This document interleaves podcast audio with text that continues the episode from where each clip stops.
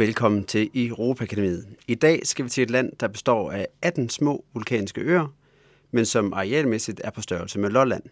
Det er et land, som er dybt forbundet til sin vilde natur, men som også er kendt for at slå grindevaler ihjel. Der er knap 50.000 indbyggere og næsten 100 politibetjente til at holde styr på dem. Landet, vi skal til i dag, er selvfølgelig Færøerne. Så i dag skal vi altså ind under huden på et land, som vi er i rigsfællesskab med, men som vi egentlig ikke har nogen særlig historie til fælles med. Til at hjælpe os med det, eller mig med det, har jeg allieret mig med Nicoline, og derudover har vi fået to helt friske færinge med i studiet, som øh, hedder Gunlegur, Ur, Gunlegur Clemensen og Adigur Jacobsen. Det, det med de navne, det er altså en udfordring. det lever vi med. Øh, jeg har fået lov til at, at, at udtale det forkert, så beklager. Øh, ja, det skal nok blive godt. Lad os starte med en øh, plingeling, og så øh, komme rigtigt i gang.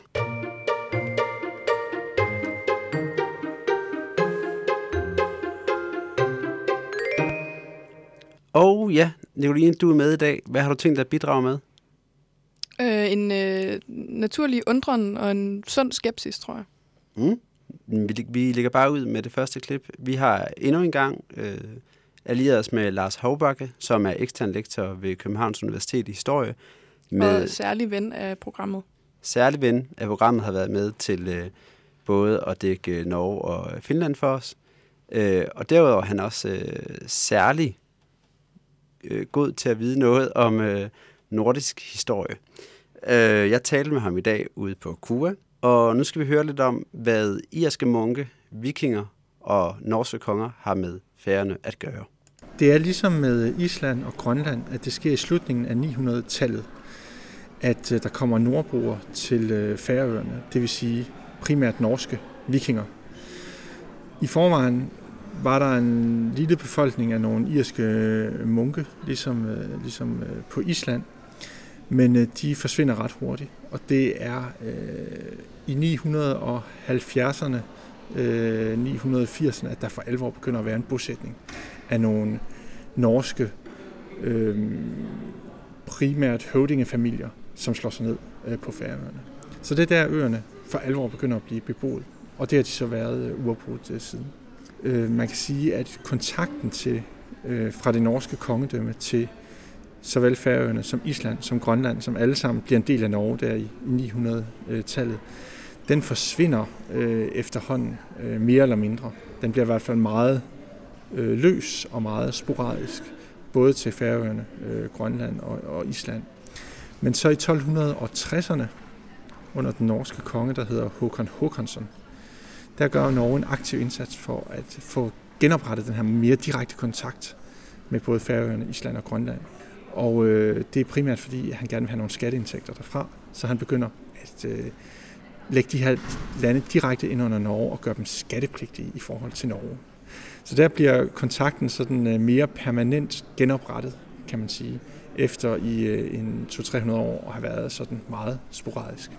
Ja, så nordmændene begynder at interessere sig for ferierne igen, fordi at, øh, de gerne vil have nogle penge. Så kender vi nordmændene igen.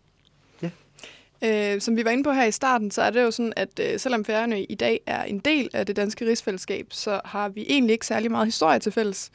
Det har de jo så, som det fremgår i klippet, med Norge.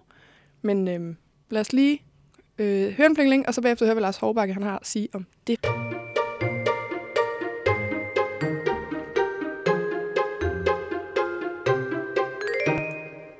Det er i forbindelse med, at man får øh, Kalmarunionen, at man får unionen mellem Danmark og Norge i første omgang øh, i 1380, at øh, både Færøerne, Grønland og Island, og for den sags skyld også på det her tidspunkt Orkney og Shetlandsøerne, som også hører med på Norge, som også er blevet koloniseret af norske vikinger, at de kommer ind under Danmark, eller under danske konger.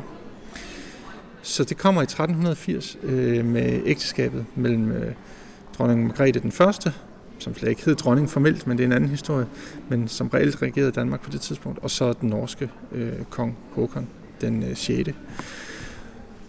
Da han dør i 1380, der bliver deres øh, øh, fælles øh, søn, øh, Olof, øh, han bliver, øh, han bliver øh, konge, Og det vil sige, så får man et kongefællesskab mellem øh, Danmark og Norge. Og det er den forbindelse, at alle de her nordatlantiske besiddelser, som Norge har, egentlig kommer ind under den danske konge. Og da Danmark så 400 år senere, godt og vel 400 år senere, i 1814 mister Norge i forbindelse med Napoleonskrigene, fordi vi er på den tabende side af Napoleonskrigene, og derfor må afgive Norge til Sverige, så beholder vi de her nordatlantiske besiddelser, som oprindeligt kom fra Norge.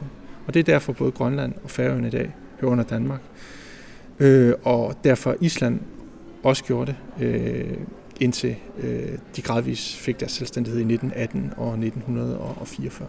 Der er ikke sådan nogle kulturelle eller historiske eller sproglige eller befolkningsmæssige bånd, som går tilbage til vikingetiden. Det er primært norske vikinger, der har koloniseret Færøerne der i 900-tallet. Og så får man så altså den her politiske union, der gør, at, at øh, Færøerne kommer ind under øh, de danske konger øh, i 1380. Jamen det bliver jo så udviklet i løbet af århundrederne efter 1380, sådan at man begynder at få noget kontakt mellem Danmark og Færøerne. Og derfor så begynder der jo selvfølgelig at opstå et fællesskab, men som man altså ikke oprindeligt havde, fordi man øh, er kommet ind under, under Danmark i den her politiske union.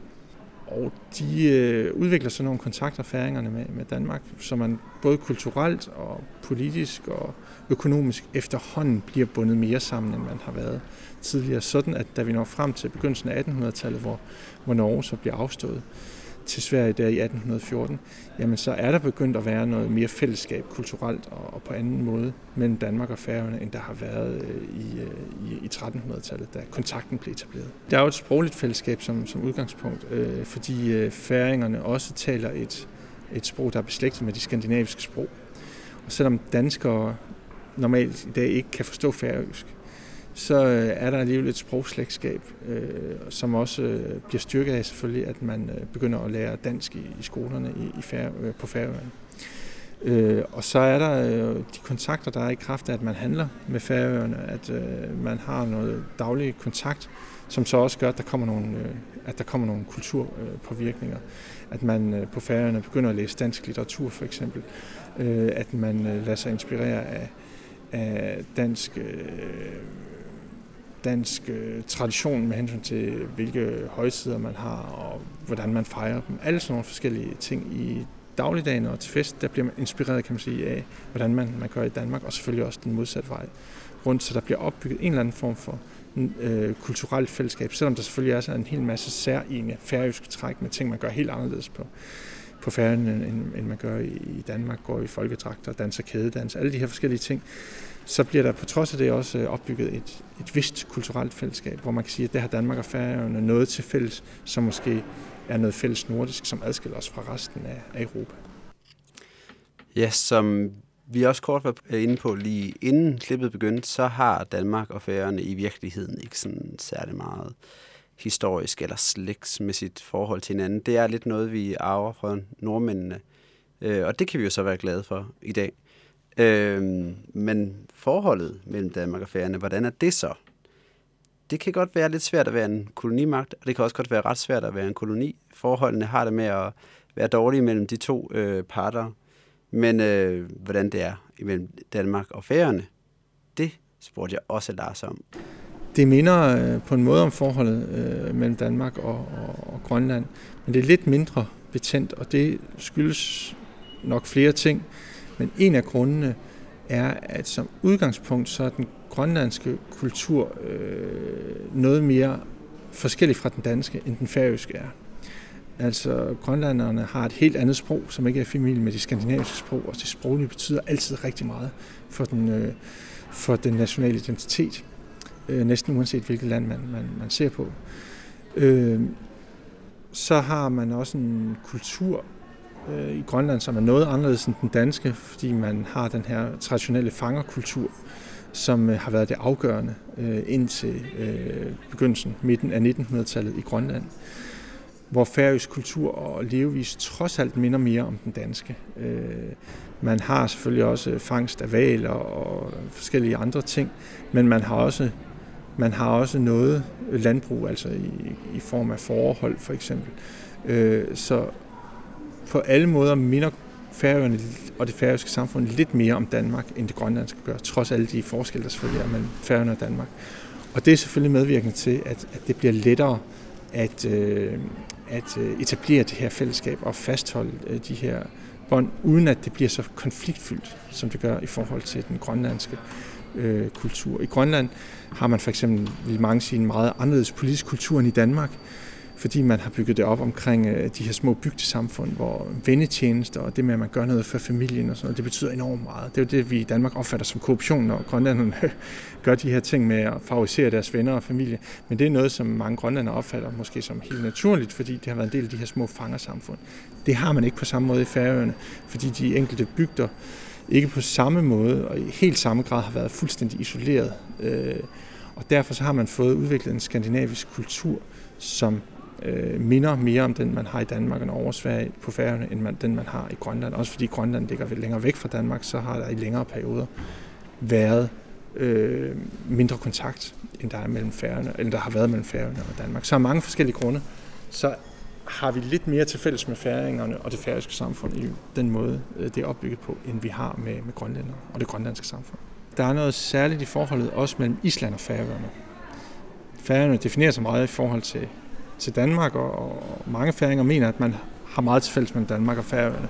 Men de er også meget stolte af deres egen national identitet. Men hvis der er et andet land, som de især også orienterer sig i retning af, så er det Island. Fordi der har man også lidt nogle af de samme holdninger og værdier til at præge samfundet. Island er også meget mere konservativt end de skandinaviske lande, Danmark, Norge og Sverige traditionelt har været, som i 1900-tallet har været meget præget af socialdemokratismen og vores særlige opfattelse af velfærdsstaten. I Island betyder religionen også meget, øh, ligesom den gør på Færøerne. Og øh, man har også et, et sprog, der minder om det færøske, øh, som er svært for danskere at forstå, men som minder mere om de gamle norrøne, vestnordiske sprog. Øh, så på mange forskellige måder, så ser færingerne og islændingene også et, et vist fællesskab med hinanden. Øh, de har jo ikke nogen politisk forbindelse med hinanden specielt, andet end øh, inden for det, nordiske, det generelle brede nordiske samarbejde i Nordisk Råd. Men hvis der er et land, færingerne kigger specielt på, øh, bortset fra Danmark, så er det helt klart Island. Ja, så heldigvis er forholdet mellem Danmark og Finland ikke helt så betændt, som det er med grønlænderne. Og det argumenterer Lars med noget så simpelt, at jamen, vi er meget mere ens. Altså, der er, der er, jeg tror, det tager, jeg har hørt, det tager et par timer at flyve til, øh, til færgerne fra Danmark, og det tager alligevel sådan små fem at komme øh, til Grønland. Det ligger altså en del tættere på, øh, og de har indrettet deres samfund mere som vores øh, gennem den prægning, de har haft historisk, så hurra for det. Øh, og så nævner han jo også lige kort, at man, hvis man går og tænker over, hvordan, hvordan de orienterer sig, færingerne, jamen så har de så også det her brotherhood øh, med øh, islændingerne en lille smule. Øh, som man måske identificerer sig lidt med også, det, hvis det er sprogligt, og så forhold til religion, som vi så netop skal til at tale om nu. Ja, fordi at øh, kirken spiller jo en temmelig stor rolle på færøerne. Ud fra hvad jeg kan læse mig til, så øh, går cirka 23 procent af færingerne til gudstjeneste i løbet af en almindelig uge. Og tv-gudstjenesten er, den mest, er det mest sete program på tv. Øh, I Danmark der hører vi mest om det her i forbindelse med, at øh, homoseksuelle har det rimelig stramt på færøerne, og øh, så kommer nogle gange sådan skøre sager, når for eksempel øh, biograferne på færøerne nægter at vise Da Vinci-mysteriet på grund af det blasfemiske indhold og sådan noget. Men ifølge Lars Hårbakke, så skal vi ikke øh, nødvendigvis se det her som super fremmedartet. Vi behøver måske ikke kigge længere end til vores egen vestkyst for at se eksempler på det her med, at når man lever meget i pagt med naturen, eller i hvert fald sådan er underlagt naturens noget, så har religiøsitet bare lidt bedre forhold. Vi kan lige prøve at høre, hvad han siger her. Ja, man kan sammenligne det lidt med, øh, at i Danmark, der er det jo også sådan, at dem, der stemmer på kristendemokraterne for eksempel, det er typisk, øh, det er der jo ikke så mange, der gør længere, men det er typisk ude i Vestjylland i sådan lidt mere konservative egne af Danmark. Og det er blandt andet måske på grund af de barske naturforhold, man har haft øh, i, øh, i fiskerierhvervet, øh, hvor det var et spørgsmål om liv og død, når man var på arbejde til daglig i 1800-tallet og langt op i 1900-tallet. Det gør, at der er den der større intermissionske tradition, og at man har mere vægt på det religiøse måske i, i de egne af landet, end man har i den øvrige del af Danmark. Og det er lidt det samme med færøerne. De har jo barske levevilkår. De har øh, fiskeriet som en meget vigtig erhverv. Det ser man også på den norske vestkyst blandt fiskerne. Der betyder religionen rigtig meget. Øh, og det ser man også øh, i, øh, i Island, at øh, religion betyder øh, forholdsvis meget for, for folk i forhold til, hvad det gør i Danmark. Danmark er jo et af de mest sekulariserede samfund i, i verden, hvor religion måske fylder mindst i hovederne på, på flest mennesker. Øh, og der er Færøerne og Island måske lidt mere konservative, lidt mere værdikonservative og lidt mere øh, som som man var i Danmark og i Norge, i en større del af landene, i, i en større del af Danmark og i Norge, lidt længere tilbage i tiden. Så det er meget naturligt, kan man sige, at øh, de konservative holdninger øh, og værdier, de kristelige værdier, de spiller en større rolle på færgerne, end de gør i Danmark. Og det gør jo altså, at der bliver en, en, en modsætning i forhold til den her, det her meget, meget liberale syn, vi har på alt, hvad der hedder etik og moral og religion i, i Danmark. Øh, og at øh, synet på homoseksuelle og abort og alle sådan nogle diskussioner, det er noget, som man øh, traditionelt har set helt anderledes på i, øh, på færgerne end, end i det syddanske område. Yes, så øh, således kan man se, hvordan religiøsitet og naturen kan hænge så tæt sammen.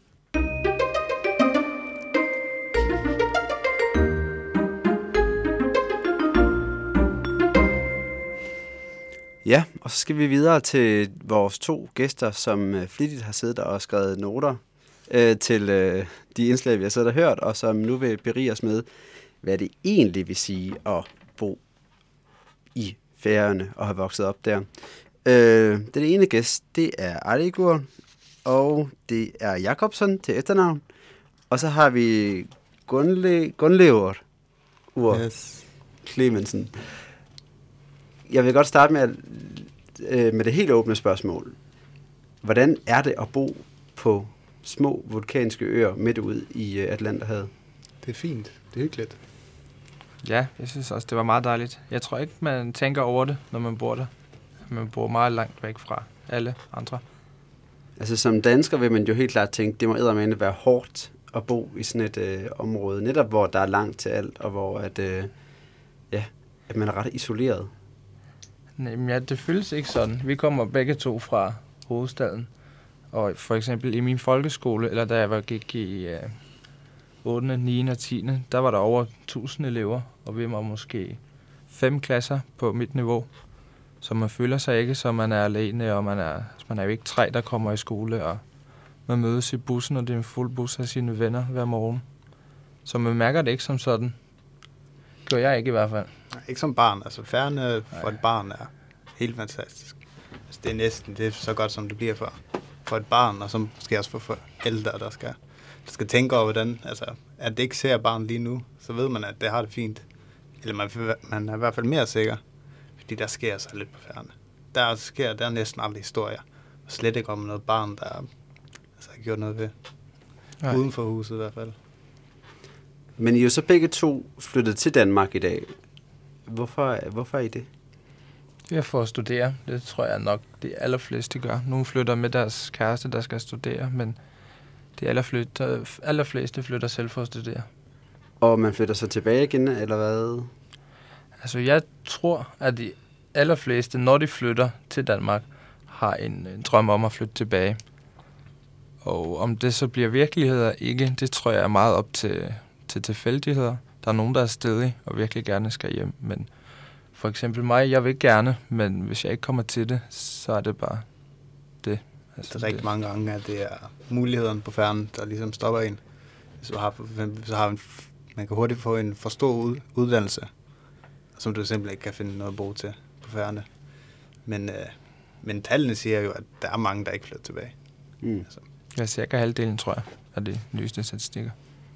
Noget af det, som vi jo, vi snakkede med Lars om, det var blandt andet forholdet mellem Danmark og, og færøerne, som man som dansker automatisk kunne det komme til at tænke på, at det må, må være meget anstrengt, fordi at vores forhold til Grønland i hvert fald tit øh, fremstilles meget anstrengt.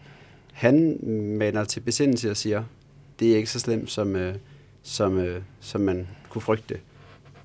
I alligevel, hvad der kommer ned. Er, er det rigtigt, at man bare sådan, som færing tænker, at Danmark det er ok? Ja, det gør jeg i hvert fald. Det er i hvert fald sådan, at altså, jeg tror, de fleste tænker slet ikke over det. Og det tror jeg bare er et godt ting. Altså, det, man er en del af Danmark, sådan det var. Og man oplever ikke nogen sådan fordomme ligesom omkring grønlændere hele tiden for at vide, at de er tule, eller...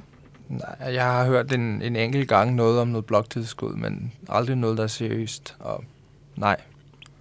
Altså, der selvfølgelig er der nogen, der kan sige et eller andet, men der er aldrig nogen, der mener noget ondt, og det har jeg ikke mærket overhovedet. Nej, jeg tænker også, jeg synes egentlig, jeg plejer at have meget godt styr på fordomme, men jeg har faktisk ikke rigtig nogen om færøerne.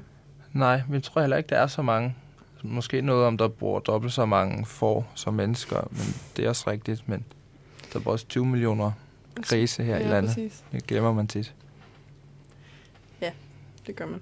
Der har selvfølgelig været perioder, altså simpelthen det der, nu nævner han med, eller du gjorde, med Da Vinci-mysteriet, og der var en periode, hvor homoseksualitet var rigtig høj. Jeg synes, der, der, der var der vel lidt flere lige en periode, hvor det er ligesom højt. Så kommer der nogle fordomme. Men det, sådan er det jo. Det er jo, det, og det er netop i forbindelse, i hvert fald mit øh, sådan dybere, eller overfladiske kendskab til, øh, til færgerne, må vi nok hellere kalde det, det er netop i forbindelse med de her spørgsmål om religion og rettigheder til homoseksuelle abort osv., øh, har danskerne sådan generelt et sådan retvisende billede af færgerne, eller går det meget på det her med religion ret hurtigt, det, det bliver centrum for diskussionen? Altså, jeg synes, det er lidt det samme, som man har haft problemer i, i Danmark, for eksempel, at dem, man hører i udlandet, det kan være Pia Kjærsgaard og Morten Messerschmidt og så videre. Det er dem, der ligesom skaber mest støj i udlandske medier, ikke? Og så har man lidt det samme på færgerne, hvor man har øh, et par stykker med nogle ret stærke, øh, dumme holdninger, efter min mening. Og så er det dem, man de skriver om i, i det danske medier, ikke? Og man hører ikke så meget om dem, der har en mere naturlig tilgang til tingene. Så billedet bliver meget tit meget endimensionelt, eller hvad er der, flat? Det synes jeg i hvert fald. Altså, fordi jeg tror, den brede befolkning er meget neutral om de ting, og alle ønsker rettigheder til, til homoseksuelle. Og det er selvfølgelig også en unge, altså, som det altid er. Færden er, den de, de er lidt bag ved København, for eksempel, øh, ja. i forhold til alt det her. Men at hvis der er de unge på færgerne, og også højere op end det, så er der enighed over, at altså, man, man passer sig selv. Det er ikke have mening over, hvad andre gør hele tiden. Nej, man er vist altid sådan en halv generation bagefter. Mm-hmm. Ja, i København. I København er man jo meget åbent omkring alting, ikke? Mm. Og så kommer det altid lidt senere på, på færgen. Sådan har det altid været. Og dem, de gamle, de, er jo også, de har jo også meninger, så, så når de stiller skoene, så, så er deres meninger jo væk. så der er en naturlig ja. Oprydning der. Ja, som, ligesom alle andre steder. Ja. Jamen, du fortalte os tidligere det der med det religiøse parti, hvad hedder de?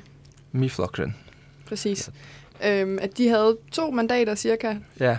Og der skal heller ikke mere end 1200 stemmer til, Nej. for at få to mandater. Nej, præcis. Og så kan de få ret stor indflydelse. Jamen, de sidder tit i, i regeringen på det grundlag, at man ikke diskuterer de, de etiske ting, hvis man kan kalde det det. Og så kan de gå med til rigtig mange ting, så længe man ikke begynder at diskutere for eksempel borgerligt øh, hvileseskab til homoseksuelle, eller at lave om på alkohollovgivning og begynder at diskutere abort og sådan nogle ting. Og det er der mange partier, der kan gå med til, med, så de kan føre deres egen politik. Ja. Som selvfølgelig er ret ærgerligt. Ja, men man har jo hørt så galt før. Ja, jeg har At nogen med nogle mærkelige holdninger får lov til at sætte en dagsorden. ja. Men hvordan vil I ellers sådan beskrive det der øh, over for en dansker, det med at være øh, færing, hvordan adskiller det sig? For når I sidder og fortæller om det, så lyder det nærmest som om I, øh, I, I lige så godt kunne komme fra Roskilde eller noget af den stil. Er, altså, er der nogle ting, hvor at man, hvor man, kan, man kan sige er særlige for færøerne, nogle traditioner eller nogle steder, hvor man tydeligt ser forskellen mellem dansker og, og færingen, når man ja, for eksempel holder jul, eller hvad ved jeg? Altså, der er en, der er en, en meget kendt, i hvert fald mellem færinger, der er en afslappethed over, over færinge, der ikke er, i hvert fald over københavnere, altså, eller fra folk fra storbyer. Jeg tror, det er meget kendt sådan fra alle storbyer. At der er en meget afslappethed, som færinge har. Den, den er der alligevel. Ja. Ja, det der med, det første jeg opdagede, da jeg flyttede hertil, alle havde hver sin kalender, som det gik meget op i. Det tror jeg virkelig ikke, der er mange på, på færgerne, der har.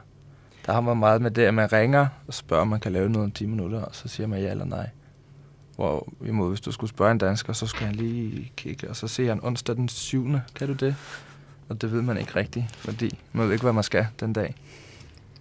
Det er så sjovt, det er mange af, af de gæster, vi har haft inde fra alle mulige forskellige lande, der siger, at danskerne er deres kalender, og det er sådan virkelig et, øh, et, et, et stærkt forhold, at man kan, ikke, man kan ikke sige ja til at skulle noget, medmindre man lige ser sin kalender, om man er fri. Ja, og så kan man måske, ja. hvis ikke der dukker noget bedre op. så man har lidt den der Og jeg vil så, jeg vil så nøde kalde det manjana, manjana. Ting, men nu gjorde det alligevel, at ting skal nok ske øh, lige så stille og roligt. Ja, så jeg har engang hørt en sige, at kalde færgerne sådan landet er, vi har et ord, der hedder kanska, det betyder egentlig måske. Så landet er måske, og det kan muligvis komme fra, at vejret er, som det er. Så du kan sagtens planlægge noget at gøre om to dage, men du ved aldrig, om du kan det. Fordi hvis det bliver regn og vådt, så kan det måske ikke gøre det. Og derfor er det, har det været sådan, at nu kan vi gøre det, så nu gør vi det. Og derfor har man ikke haft lagt planer så langt. Fordi man har gjort meget, hvad naturen tillader, ikke? Mm. Jeg tænker, jeg synes også, det virker til, mentalitetsmæssigt er der nok ikke de helt store forskelle. Nej. Et sted, hvor der er en kæmpe forskel, det er på sproget. Øh, det lyder meget fantastisk, når I snakker. Det lyder sådan eventyragtigt, synes jeg. Men det lyder, for mig lyder det også lidt sådan, ligesom islandsk. Men det er det måske overhovedet ikke. Jo. Men I kan ikke sige, forstå hinanden, eller? Hvis vi snakker... Altså, jeg kan sagtens forstå en, i hvert fald konteksten af en samtale, hvis der er en, der snakker på islandsk og langsomt til mig. Og jeg kan også læse det. Ja, man kan også sige, det går også hurtigt for færing, der flytter til Island at lære sprog. Altså, ja. det ligger meget tæt. Det ligger tættere men, på en dansk. Ja, det meget. ligger tættere på en dansk. Men, men det, det er jo fordi, at hvis du ikke kan sproget, hvis du, fordi du ikke kan finde ud af færøsk, så lyder det mærkeligt. Men hvis du kunne færøsk, så kan du godt høre, at dansk og færøsk ligner også meget hinanden. Der er rigtig mange danske ord indimellem. Der er bare lige for et u er indimellem og sådan noget. Men der er noget med at rulle på nogle ærer og sådan noget, der er lidt... Jo, ja. Øh, Mads kæmper med jeres navne og sådan noget. Ja. Ja, det synes jeg, det er vildt svært at sige det der ur i enden, åbenbart. Jeg ved ikke lige. Det er næsten mange af os ord ender på ur. Det er ret sjovt. Det kan blive svært.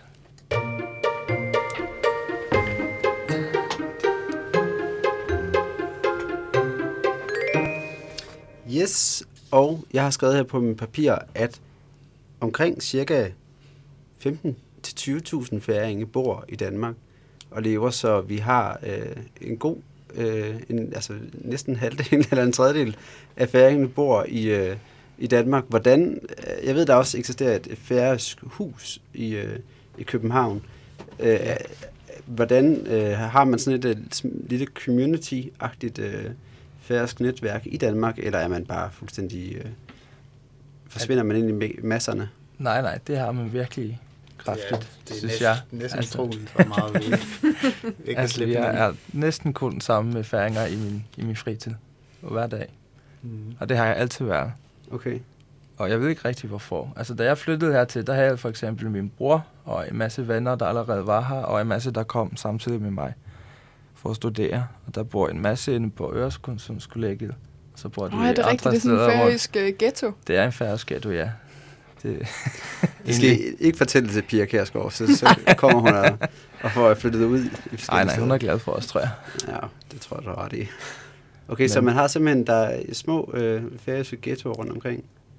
Ja, egentlig. Og der er mange færinger, der holder meget sammen. Det var også en ting, jeg lavede meget mærke til, da jeg startede på universitetet. At alle de danskere, der kom, de kommer øh, fra mange forskellige steder i Danmark, ikke? Og de laver hurtigt nye sådan vennegrupper, hvor de laver alting sammen. Hver dag er de sammen, de sover sammen, de går spise sammen, de går i byen sammen. Selvom de måske har kendt den anden i en i måned, ikke? Hvorimod de fleste af de færinger, jeg kender, de ligesom går i skole, og så er det lidt med deres klassekammerater, men så bruger de det meste af tiden sammen med deres altså venner, de havde i folkeskolen, som også har flyttet hertil, eller fra deres gamle nabolag, eller fodboldhold, og så videre. Så man holder virkelig meget sammen. Det er fordi, det sker meget sjældent, at du kommer fra færgen, og så ikke kender nogen. Nej. Når du kommer fra et eller andet sted i Danmark, så kommer du til København, du kender ikke nogen, så bliver du nødt til at finde nogle nye. Når man har den der, man har det der med, at man, man kender en eller anden. Så man behøver ikke, ikke gå igennem den der proces med at komme til at kende så mange nye mennesker. Nej, man har jo et stort netværk allerede. Det kan man også bruge til at få arbejde og til at finde lejligheder og til at finde alt muligt. Nice. Håndværker for den sags skyld. Ja. okay, fedt. Og så øh, hænger I ud i det færøske hus? Ikke sådan på daglig. De har en, øh, en popquiz nogle gange. Der kan jeg godt finde på at tage hen. Nice. Men, altså, de laver, det er jo events, de laver. Okay. Så hvis der er noget spændende. Det er åbent, men der, jeg er i hvert fald ikke herinde sådan på, på daglig basis, nej. Mm. Jeg kunne godt tænke mig at komme hen og lære den der øh, valg, dans, man har. Folkedans, hvor man synger det der vers på ekstremt mange øh, Øh, Ja. Eller den der sang med ekstremt mange vers i. Er det ikke også rigtigt, at øh, bryllupssangen har 60 vers? Ja, mindst. Det kan godt passe. Altså, det er, en- det er en vise, en bryllupsvise. Det lyder man- mega sejt, og så, er det sådan, så har præsten et vers, og brudeparret et vers, og gæsterne et Ja, vers. det og hedder sådan en bryllups, bryllupsvisen. Det lyder mega sejt. Og den har vi jo så øh, fået Den vil vi aftalt- synge nu. Ja, den vil vi synge nu. Jeg kan den desværre ikke. Jo. Er jeg ked af. Det vil jeg gerne kunne. Men dansen tror jeg godt, vi kunne lære dig meget hurtigt. Nå, det er ikke så svært. Det er to gange til venstre, og så en gang til højre. Og det er det. Ah, okay. Altså, så er den ligesom... Øh, Det tror jeg også ligger inden for Ja. dine kompetencer. Ja. Så har vi jo en øh, god tradition her i programmet, som er, at øh, gæsterne altid øh, skal vælge en sang, som de enten synes er mega kendetegnende for deres land, eller som de bare synes er en rigtig god sang, som, som man måske ikke normalt ville høre, hvis man ikke er helt vildt meget inde i færøsk musik. Hvad har I valgt til os? Øh, en sang er en, der hedder Mario Siska, som hedder While You Were Dreaming.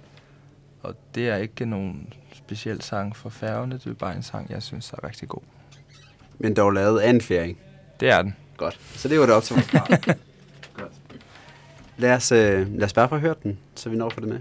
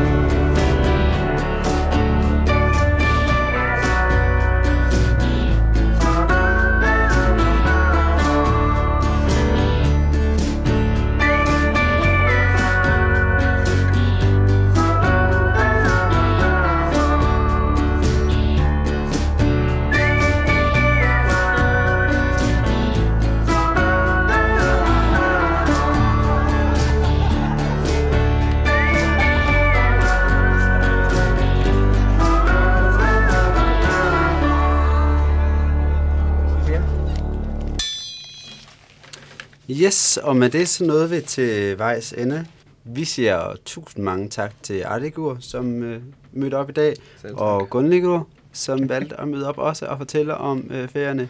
Vi fik ikke startet nogen diplomatisk krise på nogen måde, Så har det været en succes. og der var heller ikke nogen i forvejen, Nej. også sat på plads. De er ikke så mærkelige, de ferier. Og med det slutter programmet af. Tak for det. Tak for dag.